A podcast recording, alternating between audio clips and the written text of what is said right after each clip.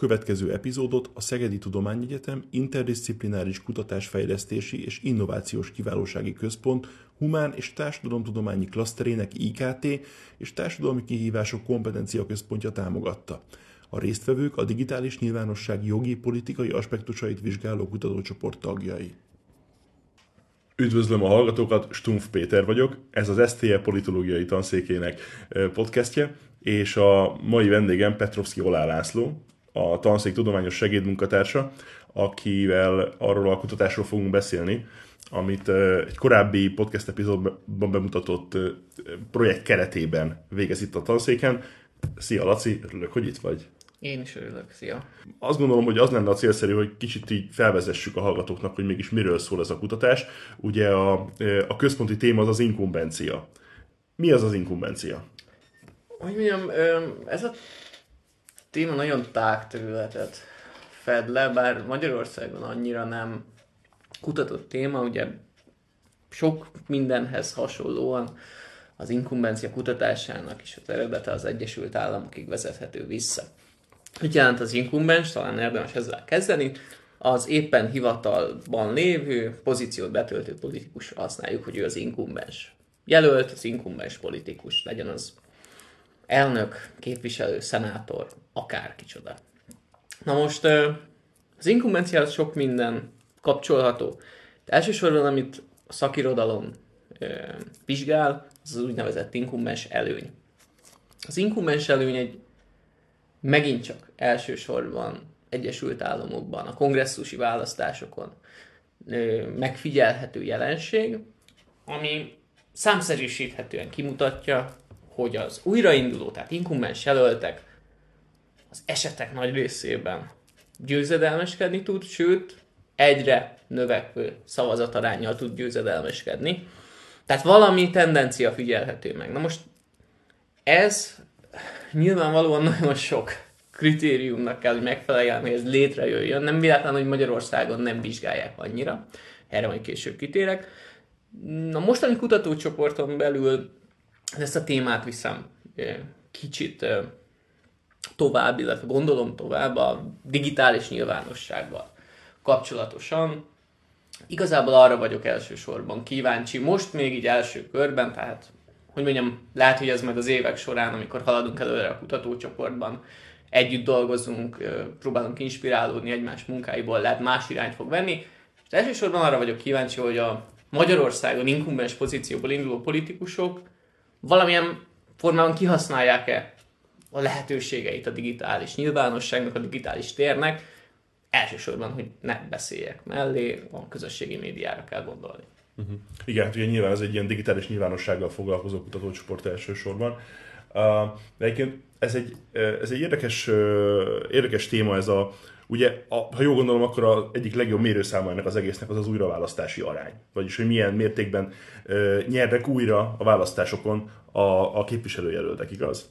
Hát legegyszerűbb módja, hogyha azt nézzük meg. Ö, nem biztos, hogy ez sokat elmond, mondjuk. Miért? Hát, gondoljunk bele, Magyarországon a legegyszerűbb esete a vizsgálatának az a polgármestereknél van. Ö, ugye beszélnem kell az egyik kritériumról, csak egyéni kerületi, többségi rendszerekben lehet igazából inkumbens előnyről beszélni. Uh-huh.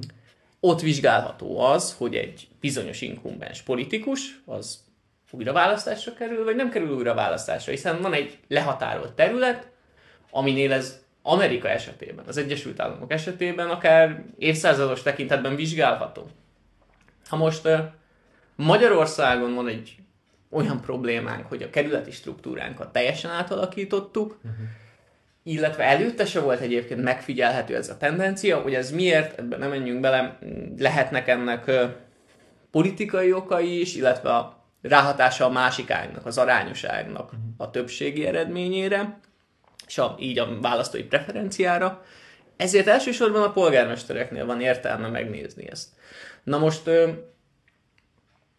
amiatt, hogy miért nem elég csak ezt a újraválasztási rátát megnézni, gondoljunk bele, hogy csak a polgármestereket vizsgáljuk, kis településeknél, ahol nem is biztos, hogy van kihívó, nem indul komoly kihívó, ott ez nem mond el sokat. Nyilván a politikai teljesítmény értékelhető, különösen, hogyha elmegyünk megyei jogú városokig. Most, hogy Szegeden vagyunk, Botha László esete, fejből nem mondom meg, hanyadik ciklusát tölti, de nem csak Szegedet említve, Kaposvár polgármestere is már nagyon sokadik ciklusát tölti ki.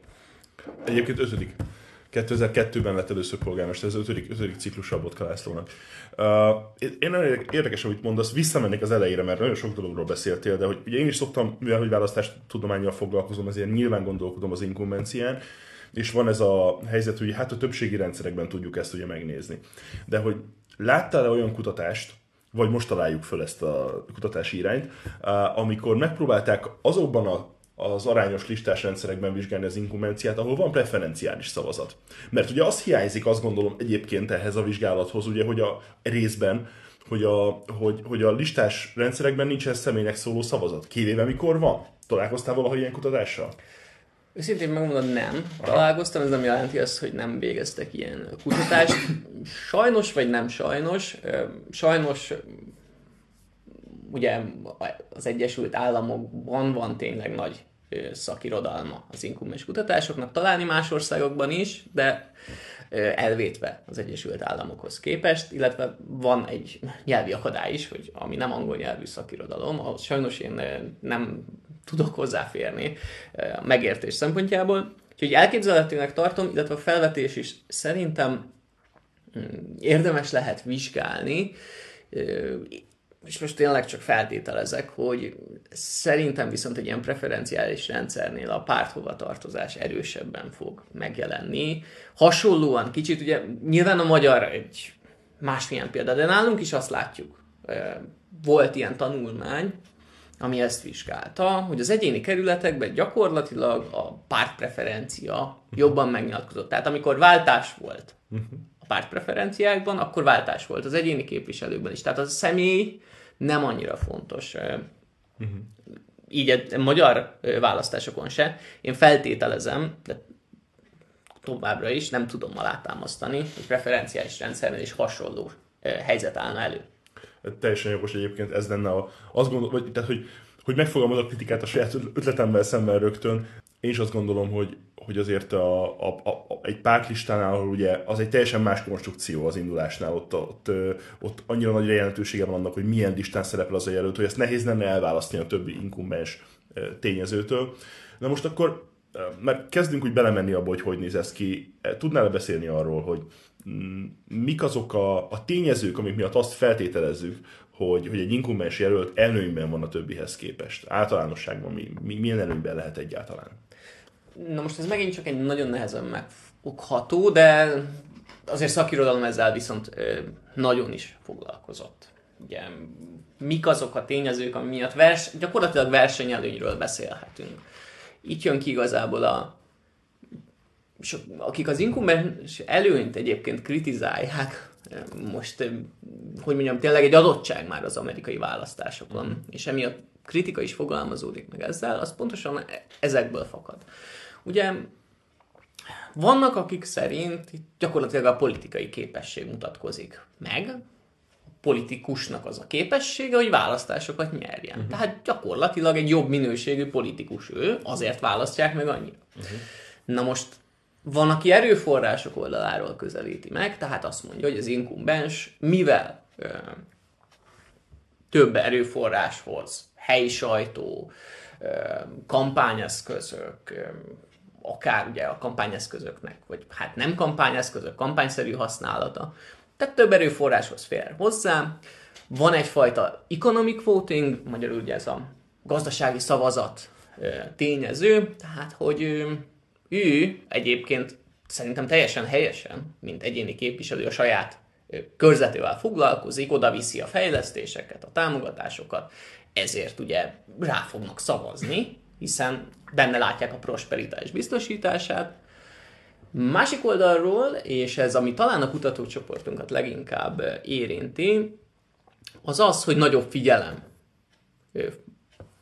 figyelmet kíván az inkumbens személye. Ugye ő már a nyertes, ő a képviselő, ő tud megnyilatkozni igazából a kerület ügyeivel uh-huh. kapcsolatban, és még megemlíteném az úgynevezett, megint csak verseny szempontjából fontos hatás, ez a scare-off effekt, tehát az elijesztő hatás. Tehát, hogy nem fogja olyan jelölt, akinek fontos esetleg a politikai hírneve, az, hogy ne essen csorba az ő mondjam, megbecsültség. Én az nem fog kiállni egy inkumbens, erős, beágyazott politikus ellen, hiszen szinte feltétele, igazából csak feltételezi, hogy nem tudja legyőzni uh-huh. ezt az adott inkumbens jelöltet. Na most ugye megemlítettem a kritikusait is az inkumbenciának, meg, meg mi az inkumbenciának, az inkumbens előnynek. Ezt is érdemes Picit. Mert azokat, akik, akik nem értenek egyet azzal, hogy van ilyen előny, vagy azok, mm. azokra gondolsz, akik, akiknek, akiket zavar az, hogy a, mondjuk... Van. Tehát meg... a második, tehát hogy azok, akiknek problémája van azzal, hogy ez az inkubens Aha. előny egy tényező. Ugye ja. erre a legegyszerűbb megoldás, az úgynevezett term limit, tehát a újra választhatóság limitálása. Na most mindenkinek, hogy akinek eszébe jut esetleg az Egyesült Államok kapcsán, hogy hoppá, hát az elnöknél már ez be van vezetve. Pontosan erről beszélünk, nagyon sok államban merül ez föl, hogy esetleg a képviselőkre, szenátorokra is ki kell ezt terjeszteni, vagy esetleg kormányzókra. Mert azt mondják, hogy túl sok ideig van valaki, ha túl sok ideig van valaki pozícióban, túl sokáig lesz inkumbens, akkor túl sok ilyen előnyt tud magának megszerezni, és gyakorlatilag megöli a versenyt. Na most mindke lehet ezt az érvet is elfogadni, én ebben nem fogok állást foglalni. Másik oldalról pedig azt állítják, hogy miért ne szavazhatna a választó arra, aki bizonyított már, aki egy jó képviselő, jó szenátor, miért torzítsák a választói akaratot egy ilyen mesterséges küszöbben. Én szívesen foglalok állást egyébként ebben a kérdésben. Szerintem az amerikai Egyesült Államok elnökének lenni az egy, azt hiszem, egy életre szóló feladat bizonyos szempontból. Őket örökre Mr. Presidentnek hívják, nekik ugye nincs tovább szakmai fejlődés a politikában nyilvánvalóan. De ha az ő újraválaszthatóságnak a korlátozását, hogy két ciklus tölthetnek ki, ezt levisszük a mezei képviselők, szenátorok szintjére, az szerintem nagyon súlyos probléma egy olyan világban, ahol ugye a tudomány jól ismeri azt a jelenséget, hogy a, a politika professzionalizálódott. A, a politikusok ma nagyrészt karrierpolitikusok, ami lehet, hogy nem egy népszerű dolog, ugye klasszikus kritika, még életében nem dolgozott egy percet, sem mindig politikus volt, stb. De hát az a helyzet, hogy ez is egy szakma, ezt szerintem mi tudjuk a legjobban, akik őket tanulmányozzuk ugye elég sokat. Ugye, és azt mondani, hogy választasz egy hivatást, amit jogilag korlátozom, hogy te legfeljebb mondjuk 8 évig végezhetsz, az szerintem elég sok egyébként tehetséges vagy értékes embernek, uh, embert elijeszthet tőle, hogy azt mondta, hogy, hát, hogy eszemben nincsen akkor ezzel foglalkozni. Tehát szerintem ez, ez szerintem egy nagyon, nagyon drasztikus lépés, lehet, hogy elsőre nem hangzik annak, elsőre olyan, úgy hangzik, hogy így hát végül is miérte, de ha az ember belegondol abba, hogy hogyan működik valójában a politika, szerintem ez egy nagyon-nagyon drasztikus lépés. Úgyhogy én merek állást foglalni abban, hogy szerintem ez nem jó ötlet, de bocsánat, mert félbeszakítottalak. Nem szakítottál félbe, hogy mondjam, azért nem foglalok állás, személyes véleményem az nekem is hasonló, a szakmai véleményem már az, hogy mondjam, mindkét oldal érveit értem, személyesen én is hasonlóan gondolom. Nézzük meg egyébként a de jelenlegi inkumbens elnök pályáját, Joe Biden, aki gyakorlatilag sok hasonló amerikai politikushoz végigjárta ezt a lépcsőt, ez az amerikai elit, politikai elitnek a gyakorlatilag az életpályája, és évtizedekig volt szenátor, gyakorlatilag hozzá tartozik a politikai pályához, hogy valaki meghatározó politikus tud lenni egy-egy adott államban, ott gyakorlatilag ő tényleg tudja azt, annak a kerületnek, választókerületnek az érdekeit képviselni, illetve, és ez már nagyon messze vezet, az amerikai törvényhozásban ugye a bizottságoknak kiemelt szerepe van, és ezek a hosszú ideig inkumbens politikusok akár egy-egy bizottságban is évtizedes viszonylatban tudnak meghatározóak lenni. Tehát másik oldalról is lehet, hogy nagyon, nagyon nagy változásokat hozna az amerikai politikai életben, hogyha országosan bevezetnék a újraválasztás korlátozását most, amiről beszélünk, az a, az a személyeknek az inkumbenciája, ugye? Tehát, hogy arra vonatkozik, hogy zavar-e valakit az, hogy probléma az, problémája az, hogyha ugyanazok a személyek, a képviselők, a, a politikai vezetők hosszú ideig. de ugye még hogyha ö, korlátoznánk is azt, hogy, hogy hányszor lehet őket újra választani. Minden, akár mindenkire. Le, szenátorok, kongresszusi képviselők, Magyarországi képviselők, polgármesterek, bármi. Ugye a másik kérdés az, hogy ugye látjuk azt a trendet, szerintem az Egyesült Államokban is látszik, és Magyarországon is látszódik, illetve nagyon jól látszódott például 2000-es évek elején, hogy az egyéni választókerületek azok beálltak. Ugye az egy részük jobbra, egy részük balra, stabilan jobb vagy baloldalivá vált. Ugye ezt tudjuk, hogy Magyarországon jelentősen megváltozott a 2010-re, de, de korábban azt láttuk, hogy az országnak nagyjából az egyik fele inkább a Fidesz, a másik fele inkább a baloldali pártokat, meg elsősorban az MSZP támogatta. Ugye, ami azt jelenti, hogy ugye mondhatnánk, hogy oké, okay, te nem lehetsz képviselő, nem indulhatsz újra még egyszer, hanem akkor helyette a párt elindít egy, valaki mást, és akkor tehát, hogy hogy ugye nem csak a szeméről szól ez, ahogy egyébként te is utaltál rá, hanem a pártpreferenciákról. Hogyha azok stabilizálódnak a kerületekben, akkor mire megyünk azzal, hogy a személyeket tiltjuk azzal, hogy egy másik demokrata, egy másik republikánus, másik fideszes vagy mszp vagy nem biztos, hogy ez előrébb viszi, még a politikai versenyt intenzívebbé teszi. Most rátapintottál egyébként a kutatásomnak, most nem kifejezetten a kutatócsoporthoz kapcsolódva, hanem úgy általánosságban az inkumbencia kutatásomnak az egyik megugrandó problematikájára.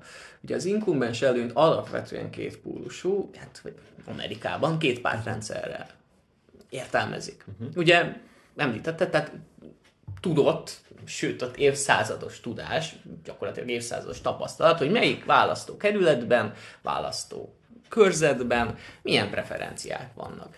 Most mondtad az újraválasztási rátát, mint a mutatóját, az egyik mutatóját az inkumbens előnynek. Mondok még kettőt. Az egyik az úgynevezett uh, sophomore search, a másik az úgynevezett retirement slump. Magyarul második megugrás és visszavonuló visszaesés. Na most ezek akkor értelmezhetőek, röviden, ha egy jelölt először nyer, akkor megnézzük a szavazatarányát, aztán amikor újra választják először, megnézzük a szavazatarányát, és a többlet a kettő szavazatarány között a második megugrása.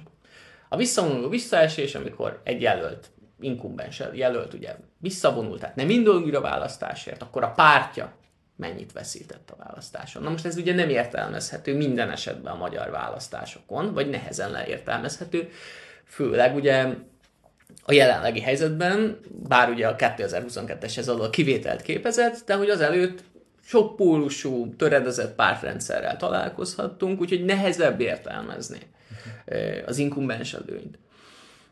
Na most... Egyébként ez engem nagyon érdekel. Nem tudom, hogy van-e a fejedben ilyen jellegű szám, vagy, vagy valami. Tehát, hogy csak viszonylagos, nyilván nem pontos hogy mennyire jellemző ez a sophomore search, tehát hogy mennyire jellemző az, hogy a második választáson többet szereznek, mint az első.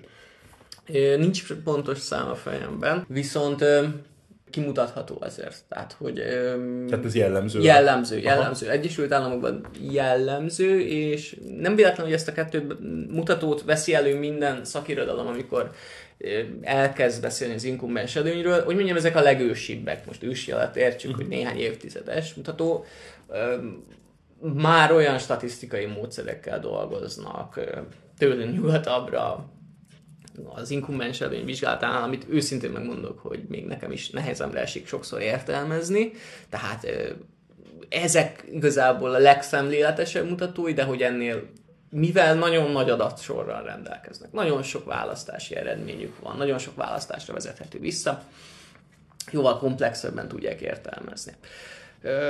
Magyarországon, hogyha megnézzük, akkor ilyennel egyáltalán nem találkozhatunk. Tehát polgármester választásokon, és ez még előttem áll, tehát hogy ezt majd meg akarom nézni, ott esetleg, de az országgyűlési választásokra kifejezetten, de hogy nem volt egyáltalán tapasztalható uh-huh. ilyesmi. Ugye az tapasztalható volt 18-ról 22-re, hogy az inkumbensek nyertek. Tehát most ne legyünk naivak azért, hogy mondjam, ránézzünk az adatsorra, persze nyertek ugyanazok a jelöltek a legtöbb esetben, uh-huh. mert hogy a kormánypárt színeibe indultak, és a kormánypártok megint jól teljesítettek. Tehát több mint valószínű, hogy nem a jelölteknek a képességei, személye, meg az sok előny, amit mhm. felsoroltam az inkummenseknél, ami meghatározta, hanem inkább a párt szimpátia. Mert nézzük meg, voltak visszavonuló jelöltek vidéken, például Békés 4-es kerület, ahol simán tudott nyerni az új Fideszes jelölt. Budapesten pedig, mondjam, hogy megint messzire megyünk, de Budapesten pedig voltak visszavonuló Fideszes jelöltek, ahol meg felteszem azt, hogy azért volt visszavonulás, mert érezték, hogy nem egy nyerhető uh-huh. körzet. És itt a scare of effect, amiről már beszéltem, tehát az elijesztés lehetett a tényező. Uh-huh. Egyébként Ugye most beszélgetünk Magyarországról, beszélgetünk az Egyesült Államokról, ugye két nagyon más politikai rendszer, és itt a legalapvetőbb kérdésekben is különbözik. Ugye, ugye az egyik egy elnöki rendszer, ahol a végrehajtó hatalom nem függ a törvényhozástól, és mi pedig egy parlamentáris rendszerben működünk, ahol ugye a kormánynak mindig élveznie kell az országgyűlés bizalmát. És ugye azt gondolom, hogy egyébként ennek nagyon nagy hatása van az inkubenciának arra a dimenziójára, ami a, ami a személynek szóló szavazatra vonatkozik. Én mindig csodálattal nézem az amerikai politikát, hogy milyen elképesztő autonóm egy, egy-egy képviselő az kongresszusban például. Tehát, hogy attól hogy demokrata vagy republikánus, képesek összefogni, képesek a saját pártjukat hátba szúrni, úgy állnak ki a választókerületekért, hogy egyáltalán nem tartanak attól, hogy esetleg a, mondjuk a saját elnöküknek, tehát a, a, azonos pártból származó, vagy párt által jelölt elnöknek ártanak vele. Tehát, hogy hogy sokkal lazább az a kohézió, amit Magyarországon látunk. De ugye ez nem a ez nem mentalitásbeli kérdés szerintem, ö, hanem, hanem arról szól, hogy a parlamentáris rendszerekben a, a működő képesség folyamatosan a frakciófegyelmen nyugszik, ugye? Mert hogy az országgyűlésben, ha nincs frakciófegyelem, akkor nem, nem, nem tud működni, nincs kormányzás. És ugye ez az Egyesült Államokban nem így van. Ott a frakciófegyelem nem fontos ahhoz, hogy, mert ugye a végrehajtó hatalom független tőle. Ezért a, tehát a magyar, magyar rendszer, politikai rendszer én azt gondolom, hogy sokkal kisebb mozgásteret biztosít az önállóságra a képviselőknek, főleg a kormány oldalon egyébként. Ennek következtében olyan nagyon kiállni és különbözni a többiektől, arra nem sok lehetőség van. Nyilván az inkubencia többről szól, mint erről arról, hogy a személy mennyire autonóm, és hogy mennyire tud a jó politizálni helyben, mert hogy ugye beszéltünk itt erőforrásokról, ismertségről, számtalan más funkcióról, de ebben a dimenzióban szerintem ennek, ennek van jelentősége, hogy, hogy talán a, a Magyarországnak a politikai rendszere sem kedvez az inkum, a, egyébként tehát szerintem az individuumoknak, vagy hogy az egyéniségeknek a politikában ilyen szempontból, az egyéni képviselők között, és így az inkubenciának sem. Nem véletlen egyébként, hogy a polgármesterekkel foglalkozom elsősorban. És Na, miért? meg teljesen más, így van. De hogy ami hasonló, tudom, hogy egy kicsit alma és körte esete, de hasonló helyzet áll fönt. Ugye nálunk az önkormányzati választás, így a polgármester választás is egy másodrendű választás, tehát kisebb figyelem, kisebb választói részvétel, hogy mondjam, kicsit alárendelt szerepe van az országgyűlési választáshoz képest. Na most egy korábbi tanulmányomban foglalkoztam ezzel egyébként, hogy mennyire van szerepe az országgyűlési választás eredményének, vagy hatása a polgármester választások eredményére.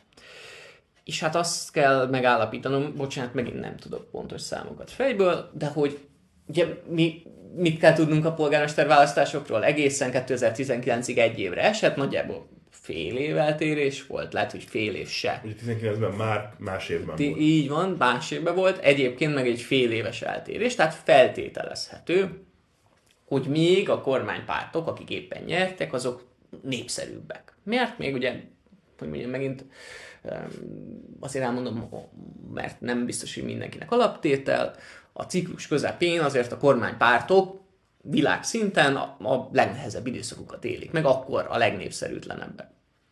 Na most viszont a ciklus elején még van egy úgynevezett mézes hetek hatás, amikor még van egyfajta eufória a kormánypártok mögött, és gyakorlatilag ez mutatkozott meg sok esetben a magyar önkormányzati választásokon is, tehát a kormánypártok jelöltje jobban teljesítettek. Én ezt megyei jogú városokra néztem meg, Egyedül 2006 mutat egy más képet, de hát az magyar politika történetben egy különleges választás Így van. volt. Így van. Ö, igen, hát ugye ez, ez, egy, ez egy érdekes változás lesz, hogy az öt éves ciklus miatt ugye folyamatosan tolódik, és hát most már félidős választás lesz az önkormányzati választás, ha jól számolom, ugye 2024-ben lesz 22, pont, pont félidős választás lesz, ráadásul még azzal is félidősebb, mert hogy pont a közepére fog esni, hogy, hogy előre hozzák és az LP választásra együtt tartják. De ez nagyon messzire visz minket. Maradva az inkubencia témánál, most azért elég sok általánosságról beszéltünk, de gondolom, hogy a, a most készülő tanulmány, vagy a jelenleg folyó kutatás az ennél valamilyen specifikusabb ö, dolgot vizsgál az inkompenciával kapcsolatban. Így van elsősorban, ez nem a kvantitatív részére lesz kíváncsi, tehát nem a választási eredmények részére, bár arról, azzal is fogok foglalkozni, hanem elsősorban arra leszek kíváncsi, hogy az előválasztáson az úgynevezett inkumbens indulók, tehát az ellenzéki előválasztásról beszélünk, és azért úgynevezett, mert hogy igazából a definíció szerinti, amit igazából inkumbensnek értünk, én egy kicsit bővebben veszem az inkumbenciát. Mert hogy nem nagyon van egyébként inkumbens jelölt az ellenzéki előválasztás. Egyrészt, másrészt szerintem, ha megnézzük azt, hogy milyen potenciális előnyei lehetnek ezeknek a jelölteknek, ezért szerintem érdemes a polgármesterekkel és a helyi képviselőkkel is úgy bánni, mint hogyha inkumbensek lennének. Nyilvánvalóan, aki csak egy városrésznek mondjuk a helyi képviselője, az nem, le, nem biztos, hogy az egész választó kerületben ismert, de hogy van valamennyi előnye, van valamennyi induló tőkéje már. Tehát velük is foglalkozni fogok, és a közé, közösségi média tevékenységnek igazából egy kampányidő, mondhatjuk, hogy a kampányidőszakát vizsgálom meg, hogy kihasználták-e a digitális nyilvánosság, a digitális térnek a lehetőségeit, és kihasználták-e alatt értem azt, hogy reflektáltak-e saját pozíciójukra. Ha reflektáltak, hogyan reflektáltak. És itt jön majd egy kicsit képbe a választási eredményük, tehát azt is meg fogom nézni, hogy esetleg volt-e hatás, hogy aki jól reflektált az addigi teljesítményére, az jobban teljesített, vagy rosszabbul teljesített. Tehát ebből a szempontból ez kicsit vegyes módszertanú megközelítés. Fogok foglalkozni a politikai kommunikációs részével, a kampány stratégiai részével, illetve a választási eredmények elemzésével is. Igen, hát ugye ezt a, már tehát nem csak az inkumencia miatt érdekes akkor ez a kutatás, hanem mert ugye az ellenzéki előválasztás vizsgálja, ami ami egy egyszeri, eddig, eddig legalábbis egyszeri alkalom volt Magyarországon, leszámítva ugye a budapesti főpolgármesternek az előválasztását, ami egy más, más történet, hiszen nem egy országos szavazásról volt szó, ami, ami szerintem nagyon érdekes, meg kiaknázható lehetőségeket nyújt itt a, a mi kutatásaink számára. Illetve illetve ugye erről a Norbival beszélgettünk a legutóbbi adásban, hogy ugye, mert hogy mondod, hogy a közösségi média, gondolom Facebook bejegyzésekről van itt elsősorban szó, hiszen Magyarországon azt használják a politikusok, hogy, hogy ugye milyen elképesztő mennyiségű adatot szolgáltat számunkra a kutatásokhoz a, a közösségi média, hogy annyival többet tudunk a politikusokról, mert annyival többet kell szerepelni gyakorlatilag folyamatosan a közösségi médiában, hogy gondolom, hogy a, a, ugye beszélgetünk majd itt más kutatókkal is, hogy sokan fognak ö, a, foglalkozni a, a magyarországi viszonylatban a Facebookkal, mert ugye annyira meghatározó a kampányokban, hogy pár éve még erről szó sem volt. Itt a, még 18-ban már igen, de előtte azt gondolom, hogy visszafogottabban volt jelentősége. Így van, hát azt nem mondom, hogy úttörője leszek ennek, de hogy tényleg ez egyértelmű, hogy mind a kormánypártok, mind az ellenzéki politikusok oldalán a közösségi média használata az gyakorlatilag, hát azt nem mondanám, hogy a legfőbb kampány szintér, de az biztos, hogy az egyik legfontosabb kampány szintéré vált. Na most az nem titok, amire utaltál, hogy van egy két átfedés, és itt most átfedés alatt a többi kutatóra gondolok a csoportban, a módszertanunkban, illetve a vizsgált időszakokban, esetleg eseményekben. Ezek nem a véletlen uh-huh. szüleményei, hanem egyszerűen próbálunk mindenki a saját szemszögéből megnézni. A, a saját... szinergia szüleménye, ugye? Így van, nagyon, hogy mondjam, modern és dinamikus szó ez a szinergia, Igen. de most őszintén ez írja le a legjobban, amire törekszünk. Aztán ha jó néhány ilyen tanulmányjal meg leszünk, nekem is vannak terveim, hogy milyen irányba folytatnám a kutatást, de lehet, hogy, és remélem is, hogy ahogy haladunk előre, fognak születni olyan közös metszetek, közös pontok, amiken tovább tudunk haladni, esetleg együtt dolgozva már, kicsit szorosabban együtt dolgozva.